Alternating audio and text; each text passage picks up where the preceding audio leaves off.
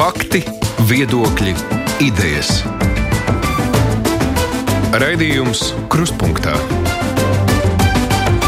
ar izpratni par būtisko. Studijā Mārija Ansone. 10. māja notikumi tomēr izraisījuši pārmaiņas valdībā. Iekšēt ministra Marija Golubeva paziņoja par demisiju, uzskatot, ka premjeras ir pakļāvies Nacionālās apvienības spiedienam. Tiesa arī Nacionālajai apvienībai šķiet būs jāmeklē jauns ekonomikas ministrs, jo premjeras Krišāns Kariņš uzskata, ka tai ir jāmaksā par savu ultimātu. Ko nozīmē šīs kustības valdībā dažus mēnešus pirms vēlēšanām un cik tās ir bīstamas šobrīd Ukrainas kara apstākļos? Par to mēs runāsim ar politikas vērotājiem. Kopā ar mums studijā ir Rīgas Stradiņa universitātes docente Lelda Metla Rozentāla. Labdien! Labdien! Vidzemes augstskolas rektors Gats Krūmiņš. Labdien! Vadošais pētnieks. Vadošais labdien. pētnieks. Jā, sabiedrisko attiecību uzņēmumu mediju tilts līdzīpašnieks Filips Rēvskis. Sveiks! Labdien! Un attālināt mums pievienojusies Domnīcas providus direktore Iveta Kažoka. Sveika, Iveta! Sveiki. Jā, es uh, sākušu ar šo te Nacionālās ap, ap, apvienības uzstādīto ultimātu. Nu, kur rezultātā premjeram bija jānostājas vienā vai otrā pusē. Vai tas, kā viņš atrisināja šo situāciju, nu, ka tagad abām strīdīgajām pusēm ir jāmaksā ar kaut ko, vai tas bija veiksmīgs solis, vai tomēr.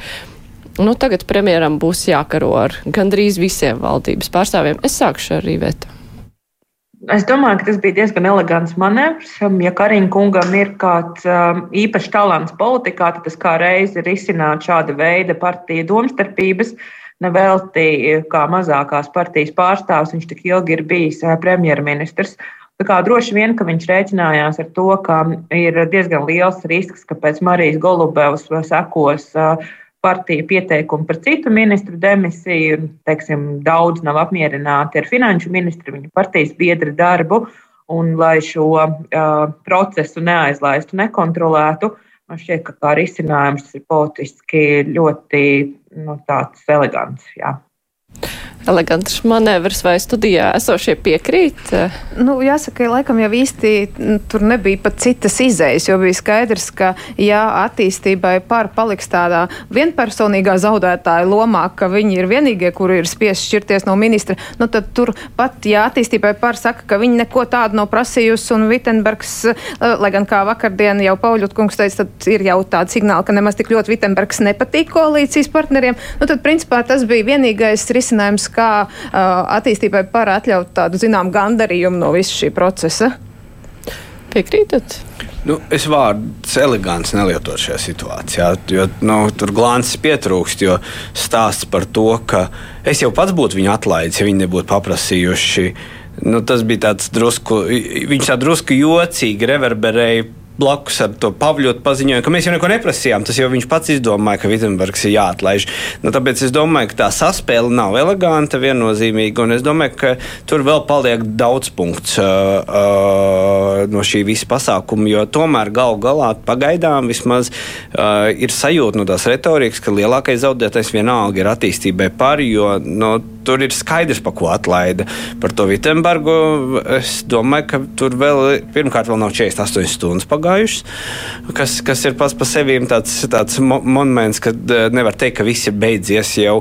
Un otrs moments, ka tur tomēr būtu jāpastrādā pie argumentācijas, kāpēc viņi atlaid. Jo es nedomāju, ka sabiedrība pieņem to, ka nu, mēs te tagad apmainīsim vienkārši nu, tā kā šahspēlē. Tas man liekas pa vienkāršu. Nu, es arī piekrītu Filipam par to, ka ir tie daudz punkti, jo, nu, ja mēs paskatāmies visas šīs kustības, jā, nu, nu skaidrs no premjera viedokļa, skaidrs valdības saglabāšana, jā, viņš ir ieinteresēts, un tad viņš darīs faktiski gandrīz visu iespējamo, jā, un kāps pāri dažādiem principiem visam pārējiem. Bet, ja mēs paskatāmies no, teiksim, no tādas nacionālās apvienības perspektīvas, jā, nu, teiksim, šī izspēle savā ziņā, ka mēs tā kā aizem kaut kādā veidā, teiksim, pakāpjamies atpakaļ, un tad tā kā atbalstam valdību, tad pašā laikā kritizējam pirms vēlēšanām, nu, neaiz neaizmirsīsim, tomēr, ka vēlēšanas ir tūmā. Nu, es arī teiktu, ka šajā gadījumā šis līdz galam nav izpildījies. Mūs vēl var sagaidīt dažādi pārsteigumi. Jo tiešām, nu, ja mēs paskatāmies pa Goluboju, nu, tas mans iespējas, ka viņa jau nu, nebija tā vājākā, teiksim, ministri, jā, tādā ziņā, jā, tur varētu piesieties par šo, bet pirms tam varēja vēl čupu ministrus atlaist par daudzām citām lietām. Nu, es domāju, ka tur jārunā par tādu zināmā mērā strateģiskās komunikācijas kļūdu. Jo, ja attīstībai par pašā sākumā būtu uh, nu, nedaudz piekāpušies un teikuši, mūsu vaina, mūsu vaina zināma, tur vaina ministrei bija, tad iespējams, kā mūsu klasiķis Rudolfs Belmans teicis, ir, ka ja es kā, pati pasmiešos par savu kļūdu, nu, šajā gadījumā ne kļūdu, pasmiešos, bet, teiksim, pieņemšu un paziņošu, tad uh, citiem nebūs vairs ko smieties. Un, bet mēs redzējām, ka attīstība par ļoti iestājās pozīcijā vispār nekāda kļūda nebija. Viss ļoti labi. Nē, tāpat laikā Pabrika kungs gan, tad, kad viņš bija Kariņa kunga aizvietotājs, to vienu dienu no rīta uzreiz teica, ka nav labi. Bet pēc tam tā, tā retorika mainījās un bija. Problēma nav tā, ir tikai priekšvēlēšanu kampaņa, kas tagad notiek, un, un viss ir ļoti labi. Un tad, protams, ka uzreiz tā, tā situācija tā kā konfrontējās, jo bija tie radikāli pretējie viedokļi, un tad bija nu, vai nu vai nu, kurš kuru uzvarēs faktiski. Iveta bija vai nebija pamats Nacionālajai apvienībai prasīt iekšlietu ministras demisiju. Un vai ministrē bija nu, vairāk jāatzīst savas kļūdas, vai viņa, nu, tas, kā viņa to skaidroja, ka tas arī ir pietiekami? Nu, ja skatās tīri no Nacionālās apvienības kā partijas perspektīvas, acīm redzot, ka tur bija, jo nu, viņiem viss, kas ir saistīts ar, ar, ar Pārdaugavas pieminekli ir ļoti jūtīgi jautājumi, tuvojas vēlēšanās. Ja mēs skatāmies tīras politisko loģiku, protams, ka viņi rīkojās eh, atbilstoši tam, kā viņi saskatīs. Nē, nē, es domāju, šajā gadījumā vērtējot tieši iekšlietu ministrs atbildību, jo nevis domājot par to, vai Nacionāla apvienība, nu tur eh, kā rīkojās kā politiķi, bet eh, vai ministrei tomēr nav vairāk atbildības nekā pati partija to atzīst. Nu, redziet, šī valdība Es neteiktu, ka īpaši atšķirās no citām, bet nu, viņai ir tā diezgan spilgta iezīme, ka atbildības latiņa ir diezgan zema par spīti tam, ka Kariņš ir mainījis vairākus ministrus. Bet kopumā, ja mēs paskatāmies uz to, kā šī valdība pārvar dažādas krīzes, mēs redzam nu, problēmu pēc problēmas. Ja mēs atceramies Covid krīzi, mums ir kopumā gājuši bojā no Covid vairāk cilvēki, stipri vairāk cilvēki nekā Eiropas Savienībā vidē. Ja mēs atceramies pagājušo rudeni, mēs totāli tam nebijām gatavi šai krīzē, bet nu, par to neviens atbildību nav, nav, nav uzņēmies ja mēs skatāmies uz šo pieminiektu stāstu, arī ir skaidrs, ka nu, tas, kā pietrūka, ir kā reizes starpvaldības koordinācijas, kopīgu vēstījumu, kaut kādas kopīgas rīcības. Un uh, Kariņa kungam ir uh, raksturīgi parasti mēģināt uh, šīs uh, kopējās valdības uh, problēmas uh, uh, nodeleģēt konkrētiem ministriem, par spīti tam, ka nevienmēr šie konkrētie ministri savā tur, īpašajā nozarē spēja situāciju redzēt no sākuma līdz beigām un līdz ar to arī par, tām, par to atbildēt. Bet tik ilgi, kamēr nu, Kariņa koalīcijas partneri ir mierā ar šādu vadības stilu, um, es teiktu, ka no acīm redzot, viņi tam piekrīt. Līdz ar to um, vērtēt Golubovas kundzes atbildību atrauti no tā, ko darīja, vai precīzāk sakot, nedarīja un par ko nebija domājusi valdība kopumā, man ir ārkārtīgi grūti. Tāpēc šajā konkrētajā situācijā Svarīgākais ir premjera vērtējums. Ja premjerministrs saka, ka viņš būtu prasījis politisko atbildi no iekšlietu ministrijas, jebkurā gadījumā, nu, tā tad viņš acīm redzot šo situāciju redz. Es šeit redzu dziļāku problēmu, ka mēs nespējam, un šis ir kārtējais, kārtējais pierādījums, mēs nespējam valdības līmenī normāli risināt smagas krīzes. Visas valdības atbildība, ministrs atbildība vai tikai policijas atbildība? Tas desmitais maijs. Nu, nu, labi, man šķiet, ka tur jākāpjas bišķīt atpakaļ, jo desmitais maijs jau tā jau bija tāda situācija, kas tika pieļauta. Ja jautājums, kāda lēmuma tika pieņemta pirms tam? Pirmkārt, jau, protams, gadu desmitiem mēs tā skatāmies, ja ar zināmu sabiedrības daļu, kā tas tika komunicēts, kas vai tika ielikts šīs mūsu vērtības, skaidrs, dažādi vēsturiskā teiksim, pagātne un kā dažādām sabiedrības grupām, bet no vērtību viedokļa. Un es domāju, nu, parādījās faktiski šāda situācijas sprauga tika atstāta ar to, ka mēs faktiski paši pateicām, labi, nevar būt simbolika, bet ziedus variet iet un likt. Ja? Un jautājums ir par to, ka tu parādījās jau tas, es teiktu, nu, tāda Pandoras lādīte bija tā pavērta, ka es domāju, ka šāda provokācija iespējas bija diezgan diezgan liels. Un, ja tā paskatās no tāda, tad es teiktu, ka es pat biju pārsteigts, ka tik maz salīdzinoši, ja mēs paskatāmies, tā ļoti nedaudz cilvēki tomēr bija gan 9. un arī 10. maijā. Tā kā no tāda viedokļa es domāju, ka drīzāk ir jārunā par to, kas, kas ir, teiksim, bija pirms tam, kāpēc tika pieņemta šāda lēmuma, kāpēc nevarēja pateikt, ka vienkārši šogad ne un vienkārši aiztaisīt ciet un sveiki, ja, piemēram, jo atstāja šādu it kā, kā gribēja, it kā negribēja. Ja. Nu, tādā ziņā es domāju, arī mazliet arī pārsteidz arī nu, tā fabrika kunga, teiksim, šīs, ja, kā teiksim, tā emocionāla, reakcija, aicinot nebūt emocionāliem, ja tā varētu teikt. Ja. Bet, bet es domāju, ka tas ir pirms tam un desmitais, jā, nu, bija kļūdas, jā, bet vai ministrei ir jābūt klāt operacionālā līmenī un jāvaktē un jā, jāvada policija? Es domāju, ka nē, bet desmitais pilnīgi noteikti bija kļūda, jo mēs atslābām kopumā, jā, es domāju, jā, bet uzgrūst viņai vienai, godīgi sakot, es domāju, ka nē. Es domāju, ka nē, un es to tomēr velku ar to, ka tika jau skatīts, nu, nāk tās vēlēšanas, jā, un, un, un, un tas, tas tika vienkārši izspēlēts. Jā, jo, jo tiešām nu, bija entie gadījumi, un ja mēs paskatāmies, nu, ja pieprasa demisijas vai atkāpjas nu, teiksim, no nozares viedokļa, nu, Kristaus, kas atkāpās, jā, tur cik tiem simtiem cietumnieku izmok, nu, tas ir loģiski. Jā. Premjeras atkāpjas pēc zolitūdas. Nu, tās ir tādas, es teiktu, lielākas lietas, jo es tomēr teiktu, ka salīdzinoši visu to, kas notiek un karš Ukrainā, mēs izgājām tomēr no situācijas, es teiktu, nu, varbūt nedaudz mitrām, bet kopumā drīzāk sausām nekā slāpjām kājām no tā visa. Es domāju, ka tur tomēr ir valdības, valdības atbildība, jo Tas nav nu, vienkārši kaut kāds koncerts kaut kur, kur, kur būs beidzies kaut kāda neliela kautiņa un kādam pārdaudzīts deguns. Mēs runājam par to, ka katru pavasari ir noteikti datumi, par kuriem saspringst.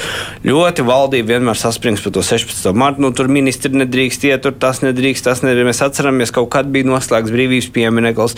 Nu, valdība tam pievērš uzmanību. Ne šī valdība, bet vispār valdības, nu, kā izskatās, pievērš šie datumi ir tomēr politiski lādēti. Viņi nav tikai mūsu iekšā iekšpolitiskā problēma, bet viņi ir arī ārpolitiski un valsts tēla elements. Un, ja valdība no šādiem lietām šī valdība nepievērš uzmanību, nu, tā, protams, ir interesanti lieta, ka valdībai kas, ir, kas rūp un kas nerūp.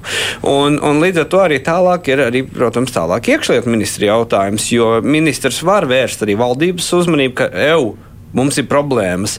Halo, varbūt ne, nedaram tā, varbūt neļaujam tos ziedus likt, ka tas var izvērsties tā, jo tas tāds baigi tāds interesants risinājums. Ziedus var, diskotēku nedrīkst.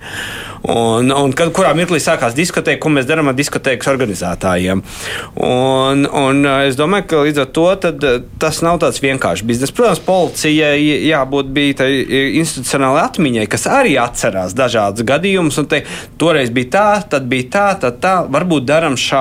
Un viņiem, ministriem un politiķiem kopumā ir kā, jāieklausās profesionāļos. Bet, bet nu, līdz ar to mēs redzam, ka tās spēja risināt krīzi un paredzēt krīzi, ir gaužām vāja šajā, šajā ietvarā. Un tomēr, ja pati ministra saka, ka nu, Rīgas uh, domas priekšsēdētājs ar viņu labi nekomunicē, un tur viņai ir problēmas, viņa intervijā to teica, nu jā, un policisti arī tā kā īsti ar viņu nesaprotās, un tur arī ir grūti, nu tad, nu, tad ir jāsaprot, protams, ka iekšlietu sistēma nav vienkārša. Nu, tā ir, zinām, tā nav tāda parasta ministrija, tā ir vesela sava pasaule. Un tad, kad tu tajā pasaulē ieej, tad vai nu tu jau pats nāc no šīs struktūras kaut kur no apakšas un zini tos visus nerakstītos likumus, vai arī tu ņem sev kaut kādu padomnieku. Uh, loku, kuri tev pasaka, kādi varētu būt tie zemūdens akmeņi, nu, un, un, un tikai pēc tam konstatēt, ka tev tur, tur un tur un tur neiet, nu, tas īsti tā līdz galam tomēr ministra kompetencei neatbilst. Um, arī Golubeva pamatoja savu atkāpšanos ar to, nu, ka premjers nav viņas pusē. Un, nu, droši vien, ka partija jau tāpat ir dzirdējusi visus pārmetumus un saprot, nu, ka, ka kaut kas jau nav nu, izdarīts droši vien. Viņiem bija pamats cerēt, nu, ka premjeras tagad uh, šajā politiskajā situācijā tā ņems un nostāsies vienas partijas pusē. Vai arī viņi ļoti labi saprot uh, situāciju un vienkārši nu, skatījās, nu, ko tad premjeras tagad darīs Iveta?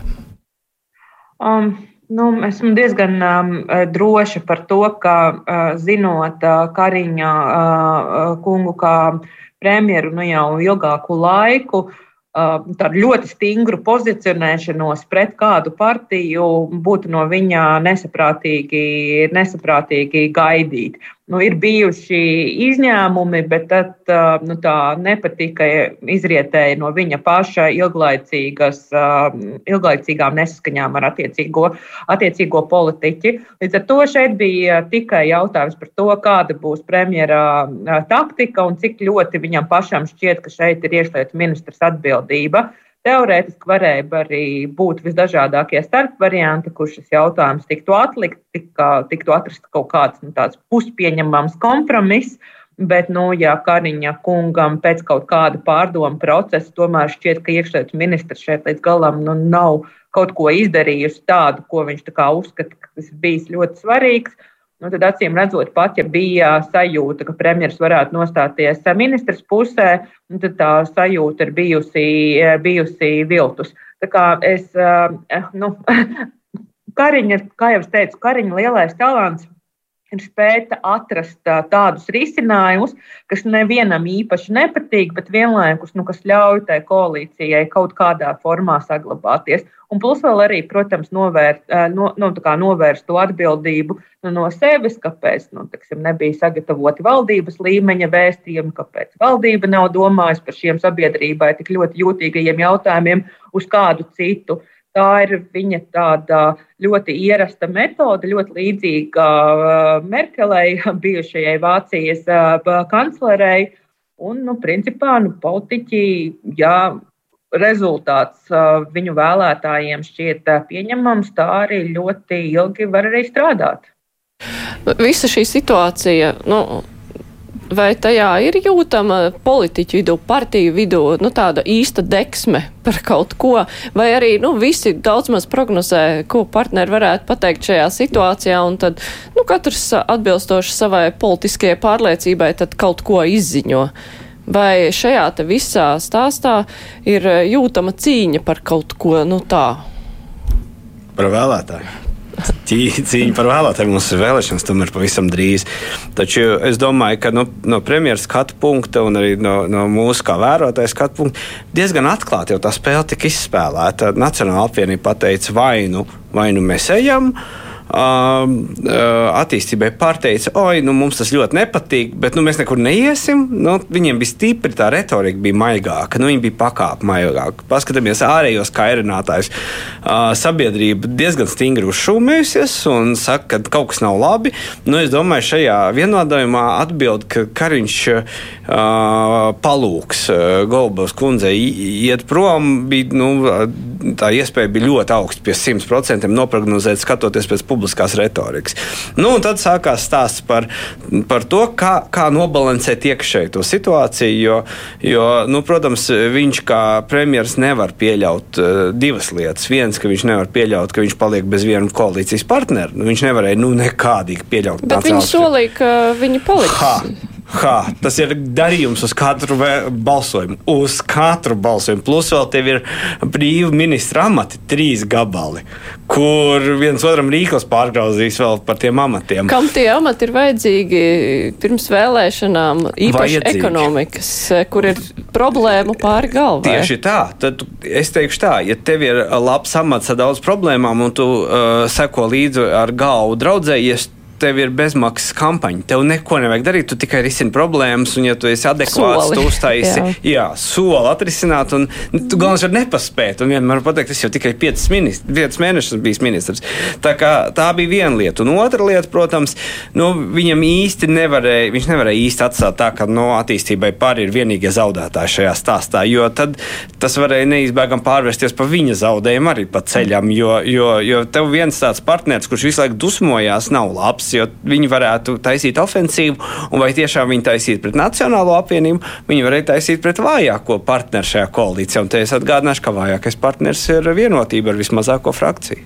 Un, ja mēs arī paskatāmies uz elektorātu, kāda katrai partijai ir, tad iespējams attīstībai par tiešām elektorāts īpaši nav orientēts uz 9. maija notikumiem. Nu, viņi Nu, labi, viņi saprot, ka labi, varbūt tur nebija, bet nu, nekas piecietīsim, nākamreiz būs labāk. Uh, savukārt, ja mēs paskatāmies tomēr uz vienotības elektorātu, kas arī ir vismaz, piemēram, Vidzemes reģionā izteikti nacionāli orientēts elektorāts, tad šeit, ja Kariņa kungs paliktu vairāk attīstībai par pusē un teikt, nu nebija jau tik slikti, nu, nu tā sanāca nelabi tai 10. maijā, bet nu nekas, nu ne, neiesim uz asumiem, tad šis te elektorāts varētu teikt, hei, hei, te kaut kas nav labi ar mugurkaulu vienotības un mums nepatīk šāds, šāda pozīcija. Tāpēc es domāju, ka te patiesībā tā uh, Kariņa kunga izvēle bija diezgan arī skaidra un tieši apzinoties to vēlēšanu ļoti tuvumu, kas, kas nāk saimnes vēlēšanas, un ka tur tomēr ir jāsaprot, ko tad es gribu tur panākt, un vai es varu riskēt ar savu vēlētāju atbalstu.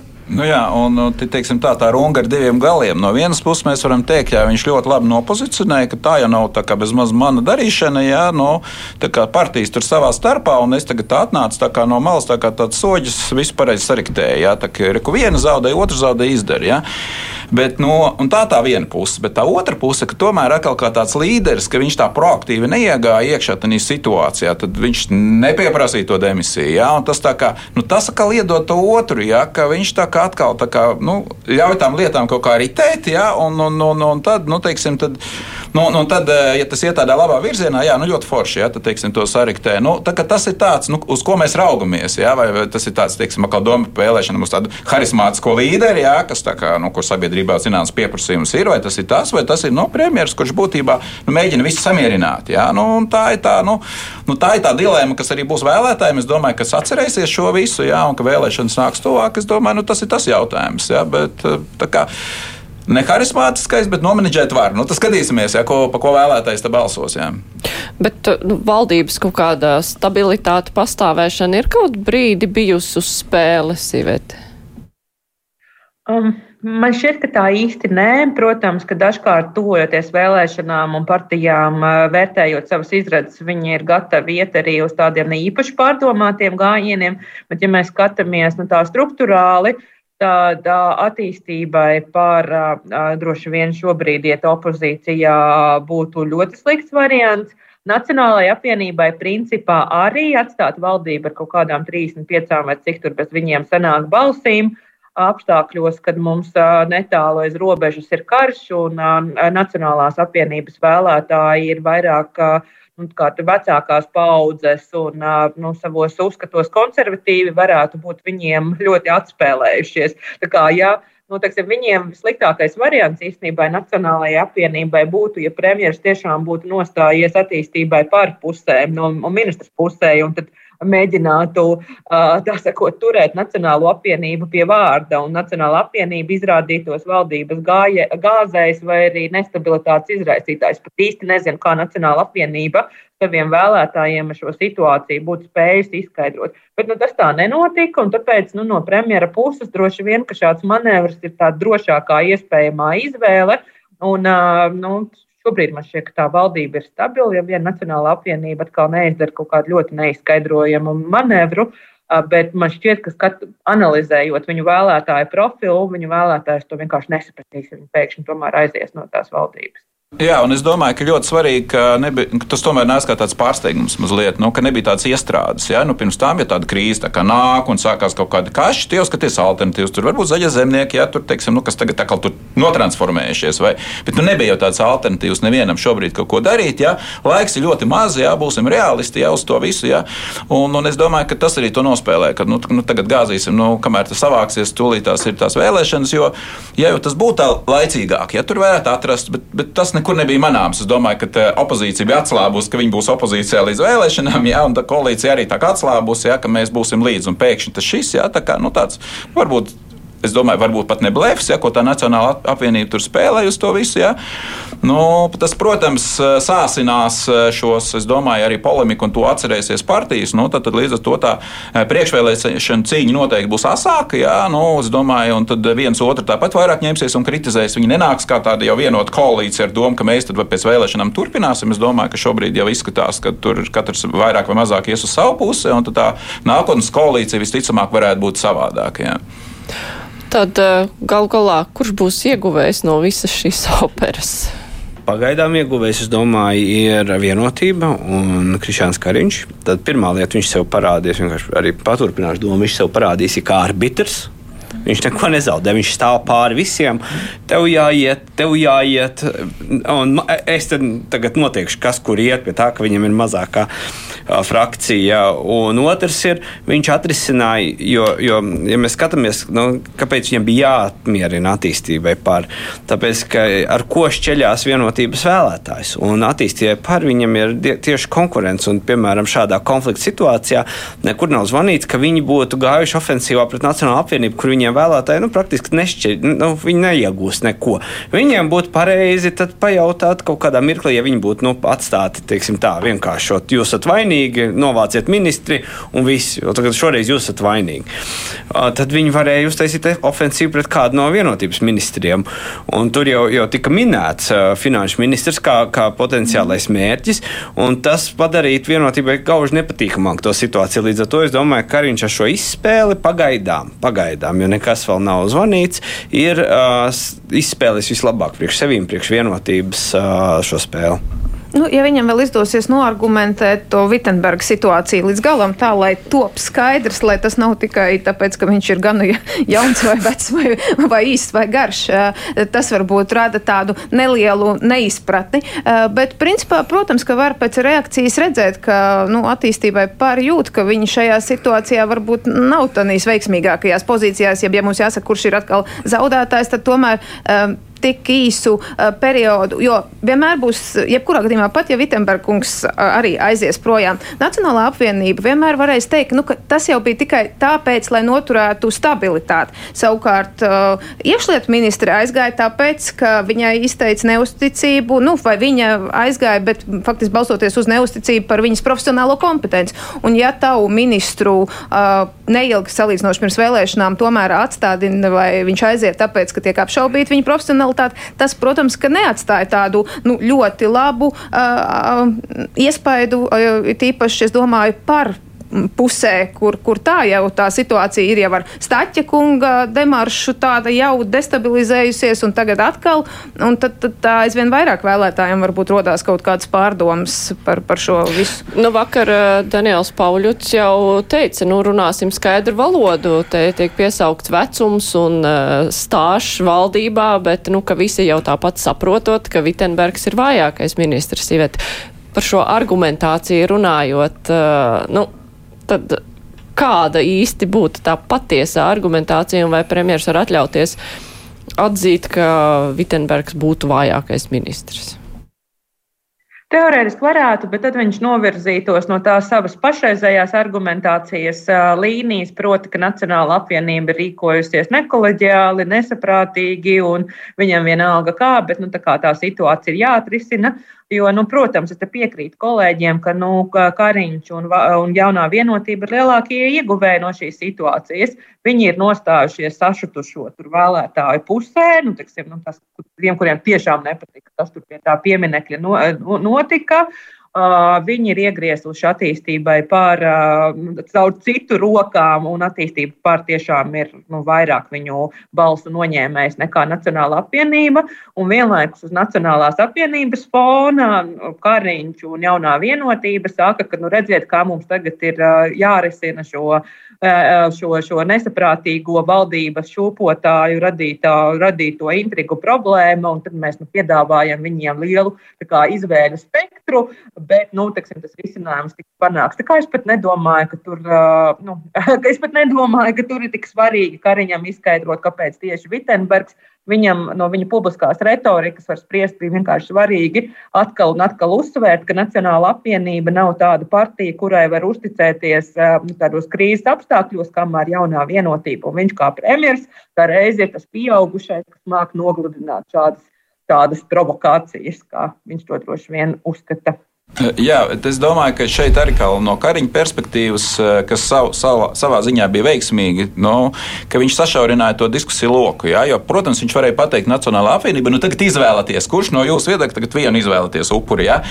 Bet, un tad uzreiz būtu diskusija. Viņš saka, visi mūsu ir labi, jā, visi, kurā pirkstā grib, visi sāp un tā. Un tur, bet šeit viņš jau norādīja konkrēti. Par to argumentāciju, protams, mēs varam strīdēties. Jā, un, un, un, protams, pa ekonomikas ministra, kuru salīdzina, jā, nu, kas mums pirms tam bija Mīro, nu, teiksim, tur, protams, mēs varam vaicāt par kaut kādu vīziju, vai ir kaut kāds lielais skats uz nākotni, nu, ko man patiktu redzēt, jā, ministriem īpaši šādās jomās, ka ekonomika, kas ir tāda ļoti no nu, ilgtermiņa nozara, bet nu, mēs vispār jau pa valdību, šo valdību, viņu salika kopā kā tādu izdzīvošanas valdību, un nu, pa pārsteigumu viņi ir, laikam, šobrīd jau ir visilgāk esošā valdība Latvijā, jā, kur tika nu, tā sakumpulēta, atceramies, no pat, pat nedaudz citiem spēkiem. Kā, nu, es domāju, tie argumenti ir dīvaini šobrīd, jā, ka, teiksim, tu pasaki, nu, ka viņš vismazāk bija, nu, viņš jau neatnāca pirms mēneša. Nu, bet kaut kas ir jāpasaka. Ja? Nu, tur izskanēja pārpratums gados jaunākais, ja? nu, kas ir pavisam smieklīgi ja? tādā ziņā. Ja?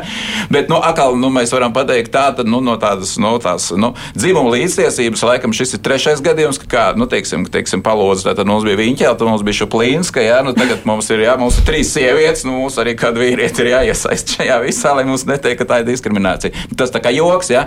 bet, bet principā es domāju, ka jā, nu, es domāju, galvenais, ka Kariņš gribēja sašaurināt diskusiju loku, norādot uz konkrētu cilvēku. Nu, tad, tad, jā, nu, tad ir vieglāk to izdarīt.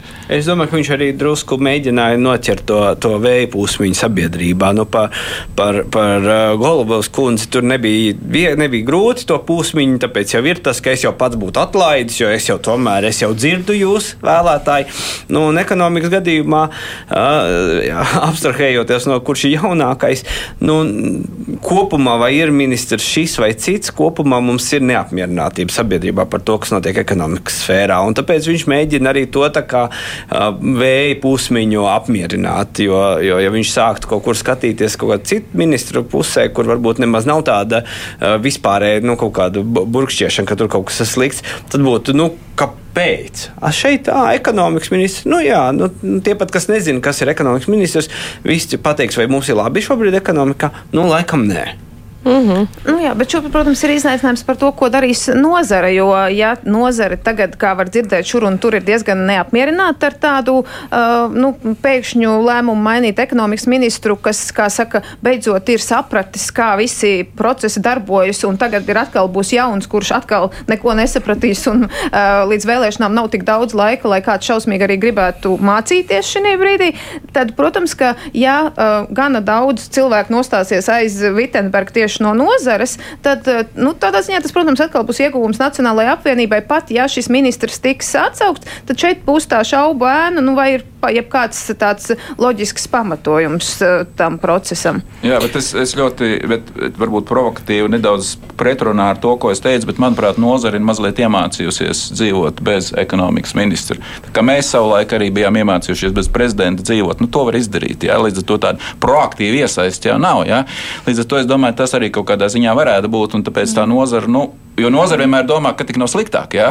no tāda viedokļa. Ja? Jo nu, tagad ir kaut kāda sistēma, kas strādā, kas iet kaut kādā virzienā, ja? un nu, tad mēs mēģinām saprast. Ja? Un, jo, jo ekonomika, visas nozars, galvenais netaisīt atkal kaut kādas straujas pārbīdes, kaut kur idejas, ko mēs darām kaut kādā veidā. Un šobrīd nu, ir tāda nosacīta stabilitāte, un tāpēc nozara arī saka, nu labāk ir kā paliek plus mīnus. Es domāju, tas ir pats galvenais, par ko viņiem ir tās bažas. Ja? Nu, jā, nu, bet šobrīd uh, galvenie izaicinājumi jautājumi ir saistīti ar nākamo ziemu, ar enerģētiku, un tur jau tie lēmumi ir atkarīgi ne tikai no ekonomikas ministrijas, bet tur jau valdībai kopumā ir jādomā. Bet uh, par nākotni mēs runāsim tūlīt. Es atgādināšu, ka šodien kopā ar mums ir Iveta Kažoka, Domnīca Providus, Lelda Metla Rozentāla, Rīgas Tradiņu universitātē, Gats Krūmiņš, Vidzemes augstskola, Filips Rajevskis no Medītilta.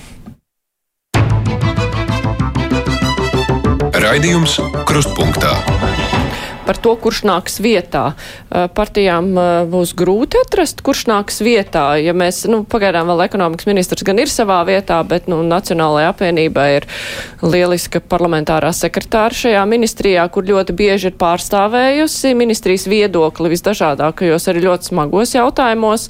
Uh, par iekšlietu jomu tur vēl īsti nav skaidrs, kurš varētu nākt. Uh, Iveta, būs grūti vai viegli atrast tos, kuri nāks vietā. Abas nozars ir ārkārtīgi svarīgas. Nu, ekonomikas ministrijai droši vien ir vieglāk piemeklēt kandidātus nekā iekšlietu ministrijai. Nu, dēļ tā iemesla, ka nu, iekšlietu cilvēki ļoti reti ir publiskajā telpā un ļoti reti ir sagatavoti šāda veida darbam. Un šeit jau ir ne tikai jāatrod spēcīgs iekšlietu ministrs, kas attīstībai par varētu iedot kaut kādus bonusus ceļā uz vēlēšanām, bet arī ir jārēķinās ar apvienības iekšējo spēku sadalījumu starp paru un attīstībai. Es domāju, ka kvalificēti kandidāti tur vajadzētu būt, bet vai šie kvalificētie kandidāti ir tādi, kurus apvienība vēlās arī padarīt par saviem priekšvēlēšanu līderiem ceļā uz vēlēšanām, par to gan es šaubos. Un, protams, šajā brīdī, tik neilgu brīdi pirms vēlēšanām, vienkārši ielikt tur nu, plus-mínus tehniskus ministrus bez tāda acīm redzama nu, tā tēla veidošanas mērķa.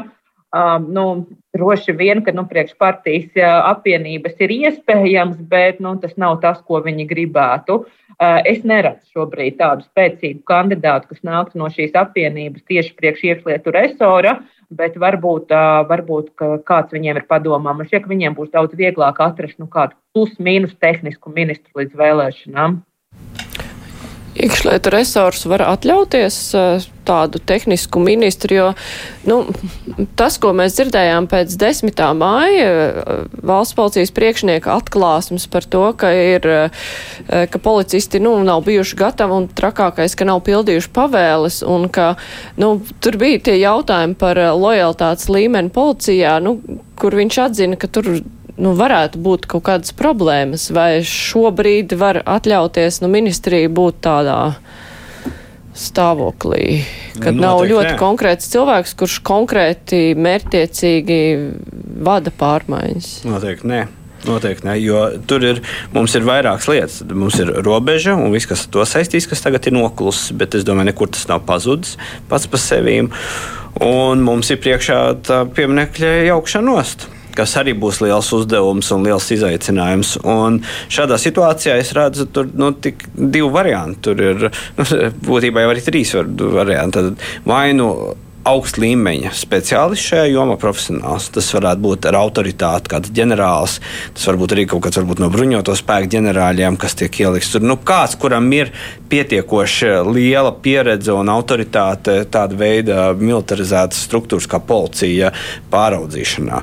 Otrs variants var būt uh, politiķis uh, maksvars, nu, tāds riktīgs maksvars, kuru ļoti respektē. Ļoti respektējams tas ir, man liekas, vēl sarežģītāk atrast tādu. Nu, un trešais variants abi divi kopā kopā viens personā, kas, kas ir, es domāju, tā kā vienradis meklēt šobrīd. Bet, bet tur nevar būt tehnisks ministrs, jo, ja tur būs vienkārši tehnisks ministrs bez vienas no, no īpašībām, ko es iepriekš teicu, nebūs labi. Nebūs labi. Jā, un, un, un, un tiešām tagad, šis ir tāds tiešām labs jautājums, un tas ir vēl jautājums par šīs nu, partiju apvienības ideoloģiju. Jo šobrīd iekšlietu ministram ir jābūt izteikti stingrai rokai. Jā, tas jau bija jautājums, izaicinājums Golubēv un tas robežu situācija, jā, kad nu, faktiski nu, tur nāk tie cilvēki un tas hibrīda karš un vispārējais. Jā, un tad bija tie arī jautājumi, jā, nu, kā tad šīs partijas ideoloģija, jā, teiksim, jā, tāda, kā tas skan iet un kopā. Un tad es domāju, ka tiešām no šīs rotācijas ir tā, ka nu, lielākie ieguvēji Nacionāla apvienība jo šobrīd dabūt viņiem ministru, jā, stingro roku, jā, un, ko Filips pareizi saka, piemineklis, tas vēl būs, tas ir tikai tagad sācies, jā, tagad mēs skaņojam, darām, bet, nu, to visticamāk ļoti īsā laikā, vēl esošās saimnes laikā, jā, noteikti, nu, tuvākā mēneša laikā, es pat paredzu līdz jāņem, varbūt tas jautājums jau tiks pieņemts, kādā veidā tas notiek, jā, un viņiem atrast, teiksim, ideoloģiski cilvēki, kas no vienas puses kā, ir nostājās šajā, nu, diezgan stingrās pozīcijā, jā, nu, tas ir izaicinājums, bet no otras puses, protams, ir pabriks, piemēram, kas ir ļoti labi darbojās, ir aizsardzības ministrs, jā, kas arī ir tāda stingra pozīcija. Jā, un, un viss, kas, nu, kas šeit uz diviem krēsliem nu, nesēdēs. Nu, nē, tā ir taisnība, jā, tieši tā, nu, tas, tas, tas īsti neiet kopā. Jā. Bet, bet, ja mēs paskatāmies no tās Nacionālās apvienības, tad viņiem savukārt priekšvēlēšana cīņā dabūt tagad spilgt, jo es domāju, viņiem gan tas soliņš ir diezgan plašs, ko viņi var dabūt ekonomikas ministrs. Tas ir daudz vienkāršāk. Bet tur dabūt kādu tādu cilvēku potenciālo līderi, kas tagad sāk runāt, kas ekonomikā ir jādara, kas ir darīts pirms tam nepareizi, un būtībā ienāk tā kā komandā tādā pašā laikā kaut kā kritizēt, nu, kā to iepriekšējo darbu mazliet dabūt tādu jaudīgāku. Ja? Jo, tas ir jautājums tagad jau ministrs, un ko Filips arī teica, tas tev ir bezmaksas uh, platforma pirms vēlēšanām. Un, ja tu dabū spēcīgu cilvēku, ja, kur, kur Vitsenbergs, jā, viņš, viņš darīja lietas, bet viņš nebija ar, ar to proaktivitāti, ja, kurš iet mēdījos ar spilgtiem paziņojumiem, tagad tas jādara, tas tur investīcijas vēl, vēl kaut ko. Nu, tas iedod papildus patiesībā punkts iekšlietu uz kādu elektorātu, uz vienu daļu varbūt jā, jā bet nu, tev ir jāmaina pozicionējums arī mazliet tajā apvienībā, jā, kur tev jāņem no tās e, konservatīvā bloka jā, un no, no nacionālās apvienības. Tā kā nu, tur ir sarežģītāk. Mm -hmm. Nē, nu, tur ir vairākas interesantas lietas. Pirmkārt, jau ir jautājums par to, cik, cik saliedēta savā starpā ir attīstībai un par, un šķiet, ka nemaz jau tik saliedēta nav. Un līdz ar to ir jautājums par to, vai viņi, piemēram, attīstībai puse grib paristu pusē redzēt tādu ļoti spēcīgu, konkurētspējīgu tēlu. Jo šobrīd jau tā pamazām tā situācija ir tāda veidojusies, ka tie, tā kā, tā, tās stiprās sejas ir attīstībai pusē, un tas par tā kā tur tā mēģina kaut kā pievilkties, bet nu kā kurā brīdī sanāk. Un tāpēc vai viņi, piemēram, pat iekšēji grib, lai pabrika kungam pretī tiek nolikts kaut kāds otrs tāds pats, kas varētu tagad teikt, ka arī pāri ir līdzvērtīgs spēlētājs, tur ir tāds zināms izaicinājums tajā visā. Un otrs ir izaicinājums par to, vai ir cilvēks, jo ja tomēr valdība, strā, valdība strādās tikai nu, apmēram 5 mēnešus. Un mēs zinām, ka būt par ministru, nu, tas ir milzīgs dzirnavs, kurās tu tiec ierauts visādos veidos. Un tad tev ir jābūt kaut kādām lielām garantijām un interesei, kāpēc tu tos 5 mēnešus nu, atļauj sevi tur publiski līdz pēdējai vīlītei vai iz, izšķidāt, nu, lai, lai, lai celtu vai ne šos partijas reitingus. Nu jā, tāpēc jau droši vien ir ērtāk ņemt cilvēku, kurš mm -hmm. ir daļai nozarē iekšā. Klausītāju ierosinājums vai nevar apmainīt Nacionālajā apvienībā iekšlietas attīstībai par ekonomiku? Iveta. Tas būtu patiesībā vietas lēmums. Nebūtu nevainas. Iveta. Es, es arī piekrītu, bet droši vien, ka šobrīd tas īsti vairs nav variants tik tuvu pirms vēlēšanām, ka tomēr svarīga lieta pēstniecība. Un plus vēl, nu, tomēr mēs šobrīd pamatot, mēs šeit analizējam to mūsu politiku kā tādu lielu strateģisku, gan drīz vai kā spēli, bet nu, vienmēr nu, šo politisko manevru. Uh, nu, sakot, fonā notiek kaut kādi vai nenotiek svarīgi, svarīgi lēmumi. Un, teiksim, ja mēs skatāmies šobrīd, nu, ko ir apturējis, apturējis nu, šis lēmums par, par demisiju, Um, nu, tad lielā mērā mēs īsti nezinām, kas mums tagad notiks ar Ukraiņas bēgļiem jau nākamajā nedēļā, kad pies, uh, pienāk tā leģendārā 91. diena. Un sāk samazināties visi tie atbalsta apjomi, kas līdz šim ir bijuši Ukraiņas bēgļiem pieejami. Teiksim, viņus vairs neizmitina viesnīcās, viņiem vairs nesadz pārtikas izdevumus. Nu, tiem, kuri jau trīs mēnešus ir bijuši, bijuši teiksim, izmitināti viesnīcās, Un valdība arī nav spējusi iepriekšējās trīs uh, nedēļās dot skaidru atbildi šiem cilvēkiem, kas tad ar viņiem notiek tālāk.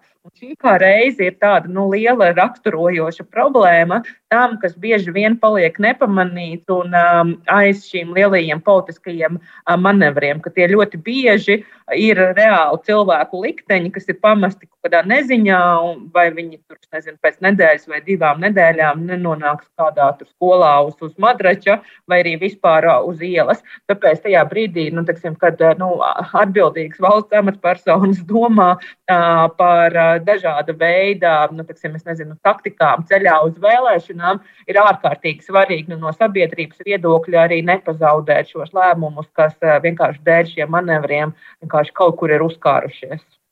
Vai beigās neizrādīsies, ka Nacionālās apvienības rīcība ir vienkārši bijusi bezatbildīga, jo gan tās problēmas, ko Filips iezīmēja par uzvaras pieminekļa jaukšanu, kas saistās ar drošību, gan runājot par bēgļiem no Ukrainas, kuri tiešām var nonākt vienkārši drausmīgā situācijā tikai tāpēc, ka lēmumi kaut kādu politisku iemeslu dēļ ir aizkavējušies vai tas viss neaizvedīs pie vienas lielas bezatbildības?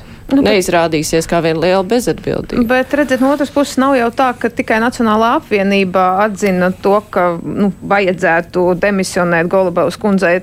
Tas nu, jau tur opozīcija arī vēl, bet nē, pārējie bet bija diezgan... Vienu, nē, nu kā, tomēr vienotība jau diezgan skaidri tajā virzienā nostājās, un tāpēc nav jau, jo mēs te, šajā te diskusijā ir tāds, tā, tāda interesanta tā tendence, ka tā kā grib, gribas teikt, ka no vienas puses pie tā ir tikai Nacionālā apvienība atbildīga, ka tikai viņas ideja, bet patiesībā jau arī uh, nu, pārējie koalīcijas partneri tur, uh, piemēram, ja klausamies, ko konservatīvie saka, tad viņi jau arī saka, ka mēs jau pirmajā aicinājām uz sarunām, mēs jau gribējām runāt par demisiju, bet tad nacionāļi par to uzzināja un aizskrēja mums pa priekšu un paziņoja, ka viņi stājas ārā no valdības. Tad, principā, konservatīvā partija tāpat domāja. Kariņš, principā, arī teica, ka viņš arī piekrīt šim te viedoklim. Tā kā, nu, tur uh, īsti tā teikt, ka viens, tikai, tikai viens ir sliktais, bet no otras puses visi saprata, ka, ka, ka īsti labi 10. maijā nebija. Nu, tad, tur, tad jāsaprot, cik, cik daudz un kurā pusē tad kurš īsti stāv. Ne, es domāju, ka šī valdība visu laiku ir uh, raksturīga to, ka mēs braucam cauri krīzēm un visu laiku tik stāstam, ka ļausim tik laboties, ļausim tik ne, nemainīsim tos, tos ministrus, ļausim tik viņiem strādāt, jo nākošais, nu, mēs visu laiku bail, ka nākošais būs sliktāks. Nu, es, man, man tas ir no paša sākuma pilnīgi nepieņemami. Es uzskatu, ka, ja netiek galā, jāmaina, jāņem cits. Tas tu, tu nevari, jo nu, mēs redzam to mūsu valsts atpalicību, mēs redzam mūsu problēmu problēmu nerisināšanu. Mēs redzam arī to pašu traģēdiju, pa ko pārvērtās Covid mūsu valstī, un viss tas ir pavadījumā. Nu, nevar mainīt mm. kara laikā ģenerāļus. Mm. Var mainīt, var un ir jāmaina, jo tās ir mūsu dzīvības, tas ir mūsu ekonomika, tas ir mūsu valsts nākotne. Tāpēc es to, to neredzu kā bezatbildību, bet es uzskatu, ka bezatbildība ir noskatīties un ļaut mācīties un mainīties. Mm -hmm. Jo tieši tā, jo slikts, piemēram, iekšlietu ministrs, nu, varbūt nelietojam vārdu slikts, bet nu, tāds, kas netiek līdz galam ar saviem pienākumiem galā, tad kara laikā tas varbūt ir vēl bīstamāk nekā tas būtu miera laikā. Nu, miera laikā, nu, labi, kā ir tā dzīvojama, vai ne, bet šobrīd tas ir kritiski svarīgi. Jā, nu, es, es tā domāju, no tās kopējās situācijas es tomēr skatos, ka tur tā komponente vēlēšanas, jā, pirms gada, es domāju, nebūtu tāds pieprasījums. Jā, nu, teiksim, tas ir jāņem tomēr vērā. Bet es piekrītu par to, ka. Uh, Un tas ir tiešām par visu šo valdību, kā arī iepriekš bija vairāk gadījumi. Jā, nu, kaut vai tas pats, kā mēs sagatavojām mūsu Latvijas priekšlikumu par šo e, Covid naudu saucamo. Jā, nu, tas jā. bija Latvijas sakot, pilnīgs nonsens. Jā, nu, kas, tas, kas tas sākumā bija par dokumentu, kas bija aizsūtīts un kad parādījās. Jā. Nu, es domāju, arī par šo Covid situācijas menedžmentu. Jā, nu, nu, bija gana daudz, jā, gana daudz situācijas. Jā, un, nu, Līdz ar to tas ir tas, ka mums tomēr ir jāskatās no tādas, sakal, no tādas politiskās kultūras, jā, ka ir jāatbild tiešām par šo nozari. No tāda viedokļa, protams, jā, bet, protams, es tajos svaru kausos lieku arī otru pusi. Jā, iekšlietu ministri pēc tautības krieviete šajā situācijā no valsts pozicionējuma strateģiskās komunikācijas bija gan labi parādīt, jā, teiksim, arī to, jā, ka mums ir šī dažādība, ļoti liela dažādība jā, tajā visā. Nu, nu, raudzīsimies jā, uz to visu, bet es arī es domāju, ka mums nebūs Latvijas parlamentāri komunismu vēsturē īsākā valdība. Tomēr, jā. Tā tad nav, ka, teiksim, ka šī valdība kritīs no tā visa. Tā kā, Iveta?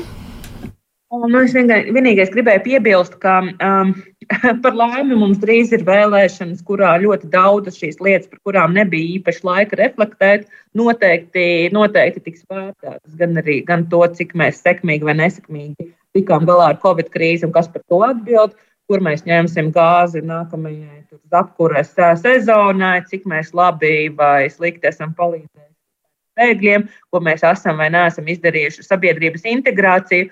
Vienīgais, nu, tā mans tāds, man tāda sajūta ir, ka skaidrs, ka nu, četrus mēnešus pirms vēlēšanām, nu, nedaudz vairāk nu, par šiem jautājumiem runās tādā nākotnes izteiksmē, bet mums tomēr ir svarīgi, nu, lai šie jautājumi tiek risināti jau šodien. Un par to pārliecību, par to, ka nu, teiksim, šie nu, ļoti svarīgie jautājumi tieši šobrīd ir politiķu tajā prioritārajā darba kārtībā. Man nav. Un tas, kā reizi ir visos šajos politiskajos manevros, tas pats bīstamākais, ka mums ir ļoti viegli tā sakot, iet analīzē par to, ko premjerministrs varētu būt domājis, izsakoties par vienu demisionējušu ministru tā vai šādi iepratīm citam ministram, bet mums ir daudz grūtāk noturēt uzmanību uz to, ko premjerministrs vai valdība kopumā dara vai nedara. Attiecībā uz jautājumiem, nu, kas skars reāli dzīvojošus, šeit dzīvojošus cilvēkus. Un tā ir problēma. Un, ja ļoti īsi, es domāju, nu, tīri no tāda kariņa menedžmenta, no tā, kā viņš organizē to darbu, nu, skaidrs, ka viņam uzsver mainījušies ar karu. Jā, viņš daudz vairāk laika pavada ārpolitikā, dažādās sanāksmēs, vispārējais. Iespējams, ka vajadzēja vairāk skatīties uz to, kādam no šiem saviem nu, vietniekiem, kas viņiem ir, jā, tā kā ministrs prezidenta biedri vairāk kaut kādas lietas deleģēt, uzticēt, un tad pieskatīt situāciju iekšpolitiski. Ja? Nu, tas varētu būt tas scenārijs no tādas valdības eh, vadības viedokļa, ja? jo skaidrs, ka tu nevari vienlaicīgi būt abās pusēs. Tas ir savā ziņā varbūt ir, ka nu, viņš ir projām tajās vizītēs. Tas ir loģiski, tas ir jādara premjeram, tā ir prioritāte. Tad pašā laikā nu, tev jāpieskat arī tā mājas virtuve. Tad iespējams, ka kāds deleģējums būtu bijis vajadzīgs. Nu, teiksim, tas ir nu, tīri. Es domāju, tagad skatoties par to situāciju, turpmākajiem mēnešiem, tas ir gana ilgs periods. Ja? Un, nu, cerams, ka tie ir daži mēneši, bet nu, kā zina, cik ilgi tā valdība stāv stādīt, un vispārējais, ka varbūt jāpārskata, ka kādam varbūt ielikt vēl kaut kādas prioritārās lietas vai nozares, kura ta pieskata kāds ja, no, no tiem nu, vietniekiem, ja tā var teikt, ja, uzticēt varbūt vairāk. Ja. Es domāju, tas varētu palīdzēt arī saturēt to lietu, ne tikai saturēt, bet nu, arī pieņemt tādus normālus lēmumus, kas ir uz ilgtermiņa, nevis tikai noturēt valdību, lai tik valdība nenobrūk tā īsi pavisam paskatoties uz laiku pēc vēlēšanām, nu, viss šis stāsts un vispār tas, kā šī valdība ir mainījusies, transformējušās attiecības. Mēs varam redzēt, kurš ar ko mm, nedraudzēsies pēc vēlēšanām, vai šī valdība, nu tādā šo, šādu partiju kombināciju arī ļoti labi var strādāt pēc vēlēšanām. Es domāju, ka viņi ļoti labi sastrādājušies. Nu, ja tā, tā saka, viņi viens otru zina, viens otru vājās vietas arī zina. Es domāju, ka jā, bet, nu, protams, viss noteiks to, cik kam būs balss. Tur arī mainīsies arī tie, tā pozīcija, jo nu, tāpat vienotība ar savu politisko potenciālu, nu, viņiem tas potenciāls ir liels. Nu, tagad viņi savaldās, ja viņiem ir mazākā frakcija. Ja viņi būs liela frakcija, tad tā būs cita vienotība. Un tā komunikācija kādam liekas, ka viņi, nu, redz, cik forši sastrādājas sastrādājas ar vienotību, viņi ieklausās, ņem viņus vērā. Tad, tā, tad viņiem būs ļoti nepatīkami atklājumi, ja tā vienotība būs piemēram 20 mandātiem parlamentā. Tur būs pilnīgi savādāka reakcija arī uz uh, partneru kaut kādām prasībām un reakcijām. Nu jā, un es domāju, vēl viena lieta, kas būs, nu, ko jau šobrīd varam stipri labi prognozēt, ka mums nebūs kaut kāda milzīga pārsteiguma ar plašiem jauniem politiskiem spēlētājiem. Nu, atceramies iepriekšējās vēlēšanas, jā, mums bija virkni partijas, kas ienāca iekšā, jā, un būtībā nu, šķiet tās bija vēlēšanas, kur visvairāk nomainījās vispār šie spēki. Šobrīd, nu, ja nu kāds tur tiks iekšā, tas būs pārsteigums, bet kopumā šie paši politiskie spēki būs. Tāpēc es arī domāju, ka ļoti ticam, ka kodoli jau koalīcijai veidos nu, plus mīnus eh, tie, kas ir ir šobrīd. Jā, nu, kādas būs tās nelielās izmaiņas, skatīsimies. Jā, kā... nu, protams, varbūt zinām, vēl mēs nezinām, kas, kas iznāks ar to uh, Latvijas reģiona apvienības, Liepājas partijas un Pīlēna jaunveidoto bloku, kas var būt, ka, ja tur saliekās tie apstākļi, var arī būt tāds, kas pakutina nervus uh, šobrīd tai stabilajai mm, kopai. Bet nu, pakutina nervus, tas ir noņemta kā balsis, vai nu, viņi tiek uzskatīti par kaut kādiem potenciāliem partneriem vai kā drīzāk pretinieki? Es domāju, ka viņi nav sarkanajās līnijās, jo viņi jau ir uh, ārpus to sarkano līniju robežām, kas attiecās uz Lembergu tiesas prāvām, attieksmi pret Putinu un tā tālāk. Tā kā es domāju, ka viņi ir visnotaļ pieņemami sadarbības partneri vismaz šobrīd. Ja bet šis valdības nu, transformācijas stāsts atstās pēcgaršu, tā ka vajadzēs runāt par attiecībām pēc vēlēšanām. Domāju, ka nē. Šis valdības sastāvs kopumā ir strādājis ļoti saticīgi par spīti tā sakot valdības ļoti košajam raksturam, ir sevišķi sākotnējos gados pārsteidzoši saticīgi.